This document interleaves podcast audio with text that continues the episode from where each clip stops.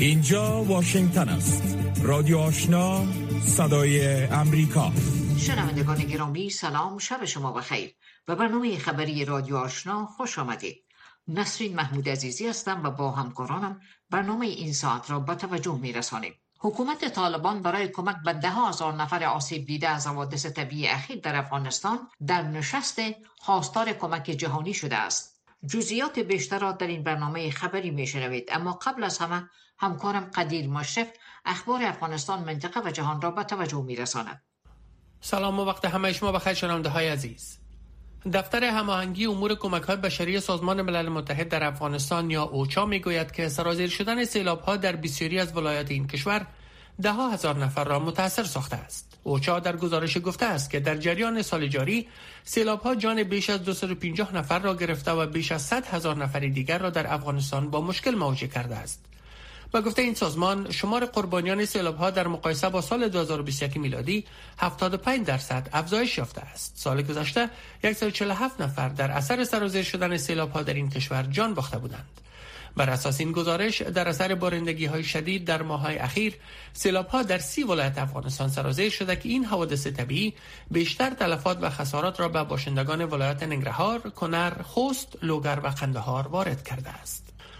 امیرخان متقی سرپرست وزارت خارجه حکومت طالبان از جامعه جهانی و سازمانهای بین‌المللی خواست که به کمک هایشان به آسیب دیدگان ناشی از حوادث طبیعی در این کشور ادامه دهند.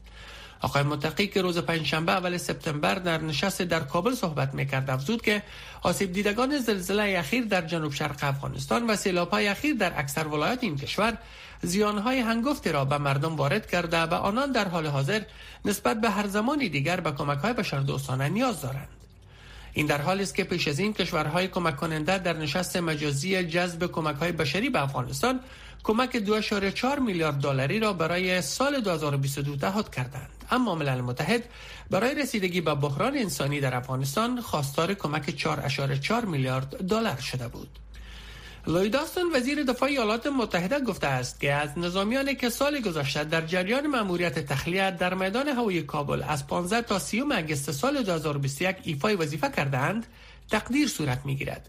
آقای آستن در یک اعلامیه که روز 31 اگست به نشر رسید گفته است که به برخی از نظامیان تقدیرنامه ریاست جمهوری نیز اهدا خواهد شد. جزئیات بیشتر از احد عزیزاده. وزیر دفاع ایالات متحده گفته است که این اقدام بر اساس هدایت جو بایدن رئیس جمهور ایالات متحده پس از مشوره با او و لویدرسیز عمومی قوای مسلح امریکا صورت می‌گیرد.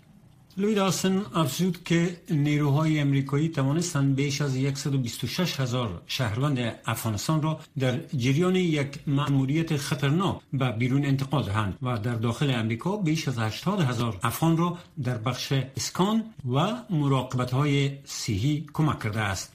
اما سال گذشته یک ماه پس از پایان این مأموریت روزنامه واشنگتن پست با نشر یک گزارش تحقیقی اظهارات فرماندهان نظامی امریکایی را در مورد روند خروج قوا از افغانستان نشر کرد. آن نظامیان با یاد کردن سوگند شهادت داده گفته بودند که قصر سفید و وزارت خارجه ایالات متحده روند تخلیه را بسیار ناوقت پلان کردند و پیشبی های طالبان را نادیده گرفتند. اقدامی که موجب شد تا روند تخلیه در آخرین روزها با سرعت و با هرج مرج صورت بگیرد. آقای بایدن پس از آن گزارش ها مبنی بر این که اردوی کشورش نحوه خروج قوای ایالات متحده از افغانستان را مورد انتقاد قرار داده است قاطعانه رد کرد اداره ملی احصایه و معلومات حکومت طالبان می‌گوید که از زمان تسلط این گروه بر افغانستان تا کنون دو میلیون و هزار تذکره الکترونیکی به شهروندان افغان توزیع شده است. فقیر محمد زیار سرپرست این اداره امروز پنجشنبه اول سپتامبر به خبرنگاران گفت که از رهگذر توزیع این تعداد تذکره الکترونیکی و ارزای خدمات این اداره یک میلیارد و شست میلیون افغانی اواید در خزانه حکومت طالبان گرد آوری شده است. طالبان در حال این اواید را جمع آوری کردند که حکومت این گروه قیمت یک تذکره را از 100 افغانی به 300 افغانی افزایش داده است. با این وجود برخی از متقاضیان تذکره الکترونیکی از روند جنجالی تذکره شاکیند. آمار اداره ملی احصایه و معلومات حکومت طالبان نشان می‌دهد که در حال حاضر 68 مرکز توزیع در افغانستان فعالیت دارند که از این جمله 15 مرکز در کابل و 53 مرکزی دیگر در مراکز ولایات و مردم افغانستان خدمات عرضه می کنند. ادامه خبرهای افغانستان منطقه جهان را از رادیو آشنا میشنوید جان کوربی هماهنگ کننده ارتباطات استراتژیک شورای امنیت ملی امریکا می‌گوید که ایالات متحده به توافق احیای برجام امیدوار و به مذاکرات مربوط به آن خوشبین است. آقای کوربی در کنفرانس خبری گفت که به این باورند که نسبت به چند هفته و چند ماه پیش به دستیابی به توافق احیای برجام با ایران نزدیکتر شدند. او افزود که محتاطانه خوشبینند که روال بر همین منوال و در مسیر صحیح پیش برود. پیش از این نیز جوزف بورل که برای حضور در نشست وزرای خارجه اتحادیه اروپا به پراگ پایتخت جمهوری چک سفر کرده است ابراز امیدواری کرد که برجام ظرف روزهای آینده احیا شود مقامات صحی پاکستان از شیوع بیماری هایی که توسط آب منتقل می شوند در ساحات سیلاب زده خبر دادند. اعلامه امروز پنجشنبه در میان تلاش ها به منظور فراهم کردن آب آشامیدنی پاک به صدها هزار بیجا شده ناشی سیلاب ها به نشر می رسد که جان نزدیک به 1200 نفر را از اواسط ماه جون بدین سو گرفته است. بر اساس گزارش مقامات صحی بیش از 90 هزار واقعی از حالات در 24 ساعت گذشته در بخش های مختلف ایالت سند پاکستان ثبت شده است. این تحولات اخیر یک روز پس از آن صورت می گیرد که سازمان جهانی صحت نگرانی خود را در مورد گسترش بیماری های منتقل شده از آب در میان قربانیان سیلاب در پاکستان ابراز داشت. گلوله‌باری در نزدیکی محوطه دستگاه اتمی زاپوریژیا در اوکراین امروز پنجشنبه برنامه دیدار کارشناسان هسته‌ای سازمان ملل متحد را از این دستگاه برای چند ساعت به تعویق انداخت اما رئیس این هیئت گفت که هنوز هم مصممند تا دستگاه را در خصوص خطرات احتمالی یک فاجعه بررسی کنند روسیه و اوکراین هم دیگر را به گلوله‌باری بر این دستگاه اتمی که بزرگترین تأسیسات هسته‌ای در اروپا پنداشته می شود و تحت کنترل نیروهای روسی قرار گرفته است همواره متهم می کنند. شرکت اتمی دولتی انرگواتوم اوکراین گفت که کاروان هیئت اداره بین‌المللی انرژی اتمی در یک پوسه تلاشی اوکراین در 20 کیلومتری خط مقدم جبهه قرار داشت و منتظر بود تا وضعیت در نزدیکی دستگاه اتمی امنتر شود. کرملین امروز پنجشنبه اول سپتامبر اتحادیه اروپا را به ایجاد موانع در عملیات شرکت انرژی گازپروم روسیه متهم کرد. رئیس اجرایی گازپروم روز چهارشنبه گفت که تذیرات غرب مسئول ناتوانی شرکت زمنس انرژی در انجام ترمیمات و نگهداری منظم تجهیزات لوله گاز طبیعی نورد استریم یک است که در حال حاضر به مدت سه روز مسدود می باشد. کرملین گفته است که تذیرات غرب علیه مسکو به خاطر حمله روسیه بر اوکراین از صادرات کامل گاز توسط شرکت گازپروم به اروپا جلوگیری کرده است. با توجه به وضع تذیرات غرب بر روسیه کشورهای اروپایی نگران قطع انتقال گاز روسیه در تلاش انتقام جویانه علیه تذیرات به این بلاک است. روسیه امروز پنجشنبه تمرینات نظامی یک هفته خود را که در آن نیروهای نظامی چین و سایر کشورها شرکت کردند آغاز کرده که هدف آن نمایش همکاری های دفاعی روبرشت میان مسکو و بیجنگ می باشد جزئیات بیشتر از فوزیه احسان.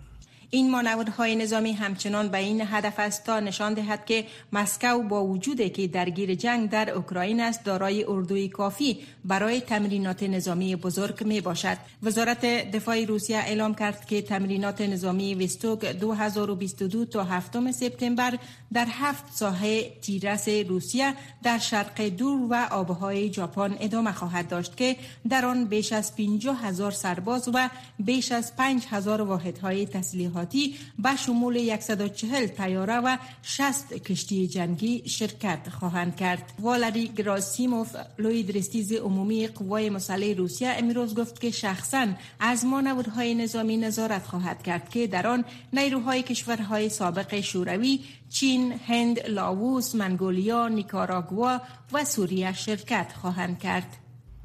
منابع خبری از حمله های جنگی اسرائیلی به های هوایی حلب و دمشق در سوریه خبر دادند. خبرگزاری رسمی دولت سوریه و دیدبان حقوق بشر سوریه نیز این خبر را تایید کردند. پایگاه خبری صابرین نیوز اعلام کرد که اسرائیل برای جلوگیری از فرود یک هواپیمای ایرانی میدان هوایی حلب را هدف قرار داد که این حمله موجب تغییر مسیر هواپیما به سمت دمشق شد. اما تیاره های اسرائیلی با تعقیب این هواپیما میدان هوایی دمشق را هم بمباران کردند تا مانع فرود این تیاره شوند. خبرگزاری تصنیم نزدیک به سپاه پاسداران هم به نقل از منابع محلی اعلام کرد که در حمله هوایی اسرائیل به میدان هوایی حلب 300 متر انتهایی خط پرواز غربی میدان آسیب دیده و انجام پروازهای غیر نظامی و عادی غیر ممکن شده است. هنوز گزارش از تلفات و خسارات این حمله منتشر نشده است. و در سلسله رقابت های کرکت جام آسیا امروز پنجشنبه تیم های سریلانکا و بنگلادش به مسافه هم می روند. هر دو تیم رقابت نخست گروهی خود را در برابر افغانستان باختند و رقابت امروز برای این دو تیم برتر آسیا جهت صعود بر دور چهار تیم برتر این جام سرنوشت ساز می باشد. هند روز گذشته تیم هنگ کنگ را با تفاوت چهل دو شکست داد و راهی دور بعدی این جام شد. برنده رقابت فردا جمعه میان تیم های پاکستان و هنگ کنگ تیم چهارمی دور بعدی را مشخص می سازد. افغانستان با پیروزی در برابر سریلانکا و بنگلادش از قبل به دور بعدی این جام راه یافته است. پایان خبرهای افغانستان منطقه و جهان از رادیو آشنا صدای امریکا. روکو راست صحبت های داغ صاحب نظران در مورد خبرها و مسائل روز هر شام از ساعت 8 تا 9 شب در برنامه مشترک دلی و پشتوی رادیو آشنا صدای امریکا بخش زنده این برنامه را در نشرات ماهواره صدای امریکا نیز دنبال کرده می توانید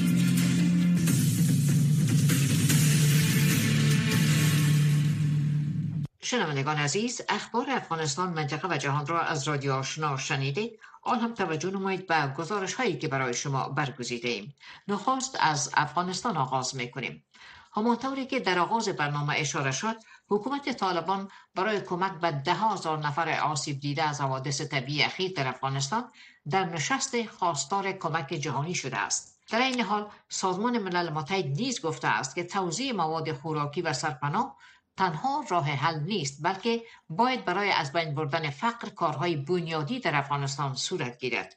جزئیات بیشتر را در این گزارش میشنوید وزارت خارجه حکومت طالبان جهت فراخوان کمک برای رسیدگی به آسیب دیدگان حوادث طبیعی اخیر در افغانستان نشست را با حضور مقامات خارجی برگزار کرد. امیرخان متقی سرپرست این وزارت روز پنجشنبه گفت که حوادث طبیعی نه تنها جان افغانها را می‌گیرد بلکه دار و ندار آنها را نیز از بین می‌برد سرپرست وزارت خارجه حکومت طالبان گفت که با امکانات دست داشتهشان به نیازمندان و آسیب دیدگان رسیدگی می کنند اما تاکید کرد که به کمک های جهانی در این بخش نیاز است. بدون شک حکومت ما جدید است. در یک سال به سطح نرسیده که بار چنین رویدادهای مرگبار را به تنهایی بردوش بکشد. از همین رو از جامعه جهانی و نهادهای خیریه بین المللی می خواهیم که در این شرایط بسیار دشوار دست مردم آسیب دیده ما را بگیرند. سرپرست وزارت خارجه حکومت طالبان گفت که تمامی اداره های حکومتی آماده اند که همه کمک های کشورها نهادهای امدادرسان را شفاف توضیح و هر گونه تسهیلات را برای توزیع آن فراهم کنند. آقای متقی گفت که در نتیجه سیلاب های اخیر حدود 200 تن کشته و اضافه از 300 تن زخمی شدند، دوازده هزار منزل مسکونی و هزاران جریب زمین زراعتی تخریب شد و بیش از 9000 مواشی مردم از بین رفت. و گفته آقای متقی در نتیجه زلزله ماه جون در پکتیکا و خوست در شرق افغانستان بیش از هزار نفر کشته و دور بر سه هزار نفر زخمی شدند و همچون هفته هزار منزل مسکونی مردم نابود شد. از سوی هم دفتر هماهنگی امور کمک های بشری ملل متحد یا اوچا در گزارش گفته است که در جریان سال جاری سیلاب ها جان بیش از 250 نفر را گرفته و بیش از 100 هزار نفر دیگر را در افغانستان به نحوه آسیب رسانده است. این نهاد گفته است شمار قربانیان سیلاب ها در مقایسه با سال 2021 میلادی 75 درصد افزایش یافته است. سال گذشته 147 نفر در اثر سرازیر شدن سیلاب ها در این کشور جان باخته بودند. در همین حال رامز الاکبروف معاون نماینده سرمنشی ملل متحد در بخش کمک های بشری در این نشست گفت که ملل متحد از ماه جنوری تا جون سال روان برای حدود 24 میلیون نفر در افغانستان کمک کرده و بیش از یک میلیارد دلار را برای کمک های بشری به افغانستان منتقل کرده است. اما با گفته آقای اکبروف بر اساس ارزیابی ملل متحد در نتیجه سیلاب ها 112 هزار نفر در افغانستان آسیب دیدند و سیلاب ها و سایر حوادث طبیعی سطح نیازمندی ها را در افغانستان بلند برده است.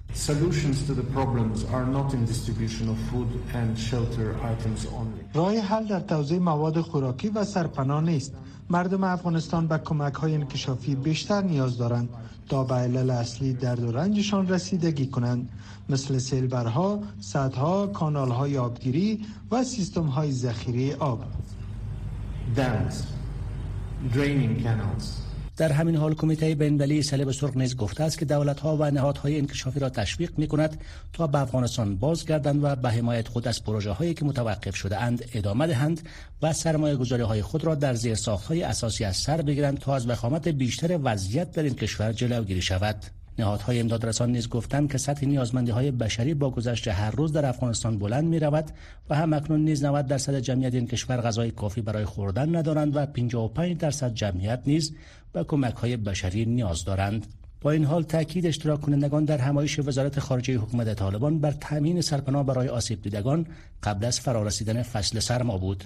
وزارت امور خارجه طالبان گفت که سخنرانان کنفرانس قبل همکاری کامل با قربانیان حوادث طبیعی را داده و گفتند که در کنار کمک های بشردوستانه کمک های انکشافی و برداشتن موانع صادرات واردات و تجارت نیاز است تا افغان ها روی پای خود بیستند. به پایان رسید. بینندگان و شنوندگان عزیز بعد از این می توانید برنامه های صدای امریکا را از طریق شبکه ماهواره جدید ببینید و بشنوید. برنامه های تلویزیون آشنا سی دقیقه کاروان و برنامه های رادیو آشنا را می توانید در چنل 469 شبکه ماهواره یاست دنبال کنید.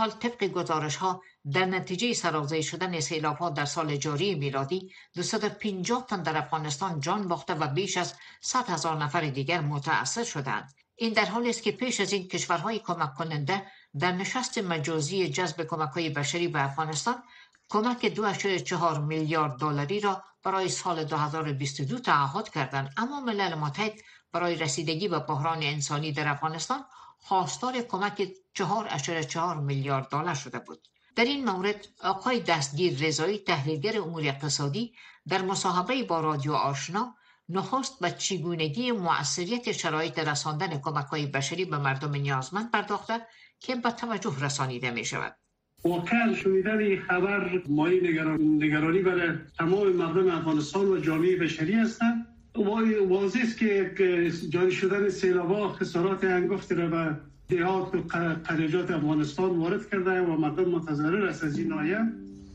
این مردم اکثرش بی سرپناه شده و به کمک عاجل و فوری نیاز داره. رساندن و توضیح موثر کمک شرط اساسی است بر از اینا. که به موقع برشان باید برسه.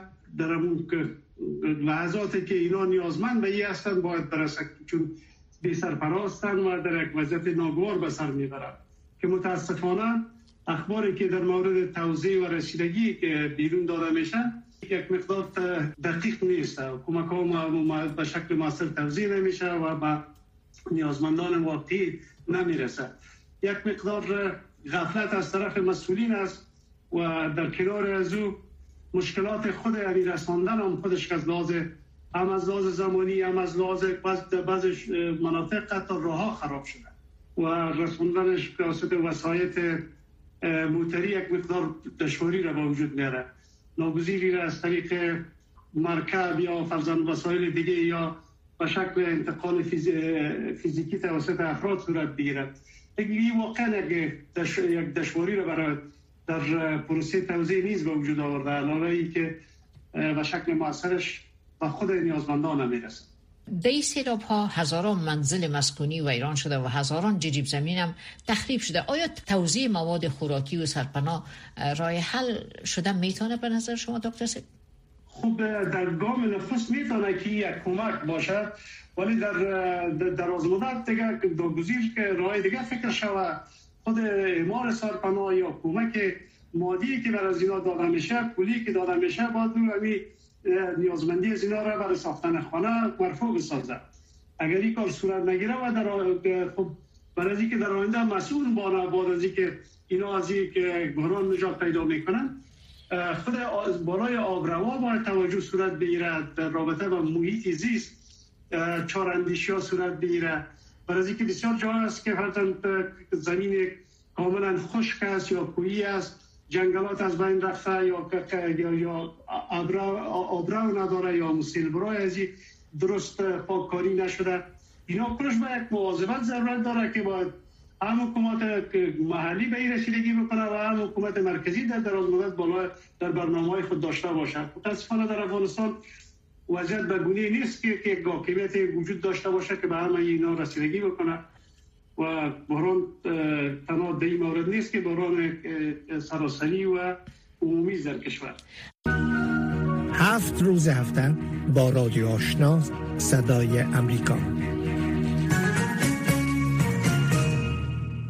سازمان عفو بین المللی در گزارش روز چهارشنبه اعلام کرده که ایران و ترکیه از ورود پناهجویان افغان جلوگیری می کنند و یا آنها را به اجبار باز می گردانند تا با خطرات تهدید کننده زندگی تحت رژیم طالبان مواجه شوند. این امر برخلاف قوانین بین المللی است. ده هزار نفر در آگوست سال 2021 بعد از خروج ایالات متحده از افغانستان در خروج نظامی آشفته از آن کشور گریختند و به اسلام گرایان تنرو اجازه داد تا کنترل را دوباره به دست گیرند ژیلا نوری در این مورد گزارش می دهد.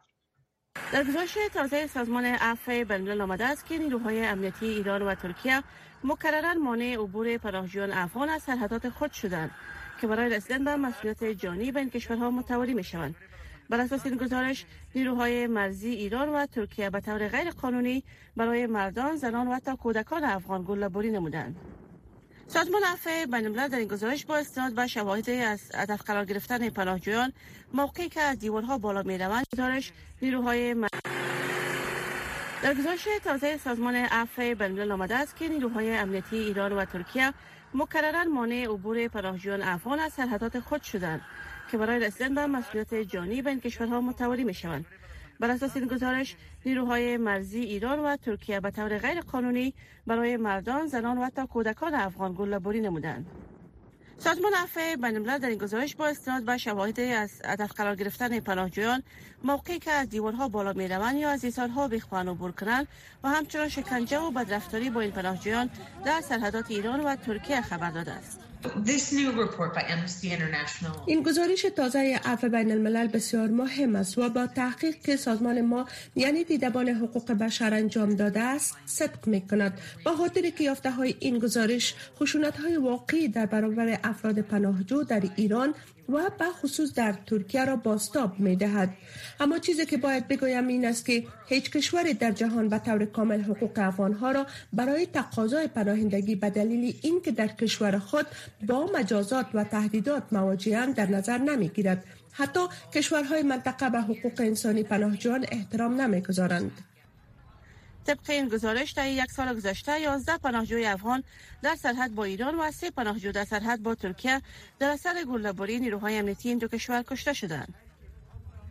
محققین عفو بینالملل پس از بازدید از افغانستان و صحبت با شمار از پناهجویان در هرات و اسلام قلعه در سرحد با ایران این گزارش را منتشر ساختند. در این گزارش با حدود 74 نفر از افغانهایی که از ایران و ترکیه رد شدند صحبت شده است. و 48 از آنها گفتند که در زمان عبور از سرحد برای آنها گله‌باری شده است. هیچ یک از این افراد نتوانستند که در سرحد در دفتر پناهجویان ثبت نام کنند و اکثریت آنها برخلاف قوانین بین المللی و بدون رضایتشان به افغانستان رد مرد شدند. فکر می کنم که جامعه جهانی باید با فشار خودش و با, با اعمال فشار و با هر وسیله که در دسترس دارد بر حذر بداره دولت های مذکور را از گلوله پراگنی به طرف مهاجرین و پناهجویان و همونطور از برخوردهای قهرامیز اینها می‌تونن که به صورت نظاممند و سامانمند افرادی را که پناه آوردن به کشورهایشان و افرادی را که واقعا راه پس به کشور خودشان ندارن حمایت بکنن. تا که به این گونه اونا رو به کشورشان بفرستن. این گزارش بسیار تکان دهنده و وحشتناک است.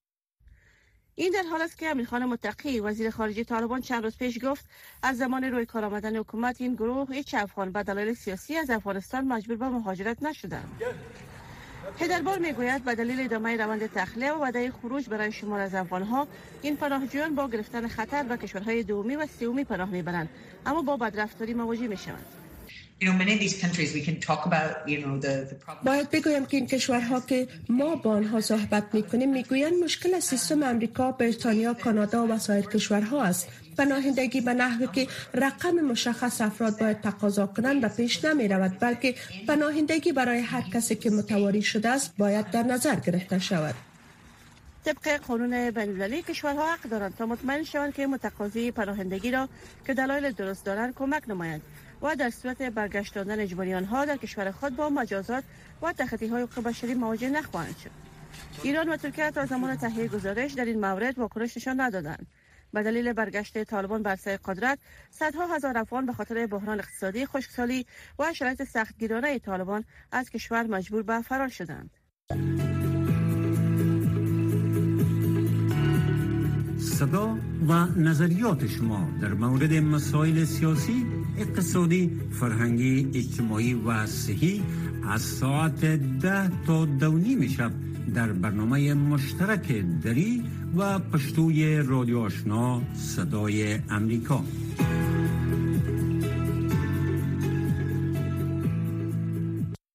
و این هم آخرین گزارش این بخش. برخی از کشورهای منطقه هند و اقیانوس آرام خود را بین منافع دو کشور رقیب ایالات متحده و چین گرفتار میابند برخی کشورها در تلاشند تا روابط خود را با هر دو متعادل سازند. مانند اندونزیا که در حال تعمیق رابط دفاعی با ایالات متحده است. ورجینیا گونوان خبرنگار صدای آمریکا گزارشی دارد که فوزی احسان به توجه میرساند. در دو هفته اول ماه اگست بیش از 5000 تن از نیروهای نظامی 14 کشور به شمول اندونزیا و ایالات متحده امریکا در تمرینات نظامی تحت نام سوپر گروده شیر در اندونزیا شرکت کردند. مقامات امریکایی می‌گویند این مانور نظامی سالانه اکنون یکی از بزرگترین تمرینات مشترک نظامی چند ملیتی در منطقه اقیانوس آرام به شمار می رود. رسانه های دولتی چین از توسعه این تمرینات نظامی انتقاد کرده و ایالات متحده را متهم به ایجاد ائتلاف شبه ناتو در منطقه هند اقیانوس آرام نموده است.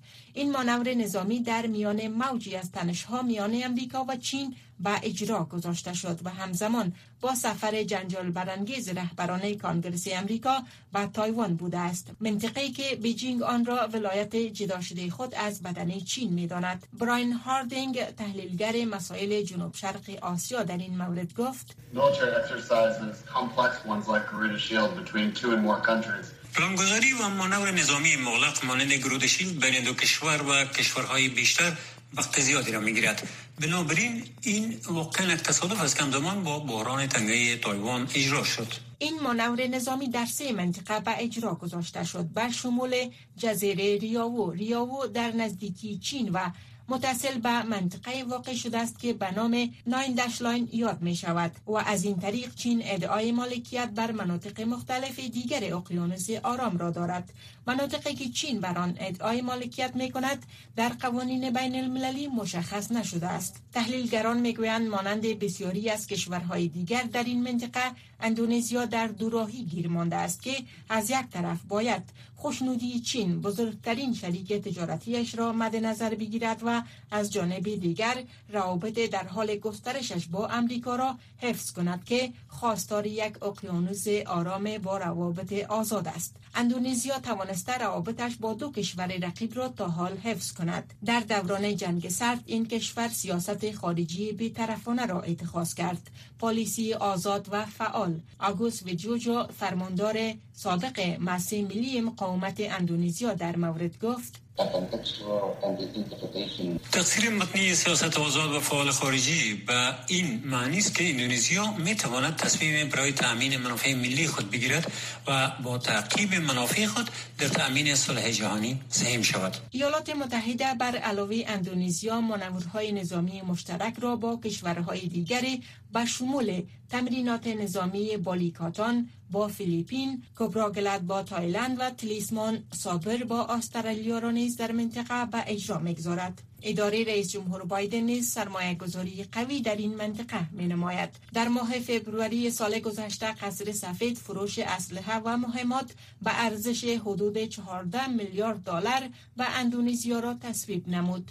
هدف از این قرارداد که 36 جت جنگی F-15 نیز شامل آن است تقویت سیاست خارجی ایالات متحده و اهداف امنیت ملی امریکا در این منطقه گفته شده است.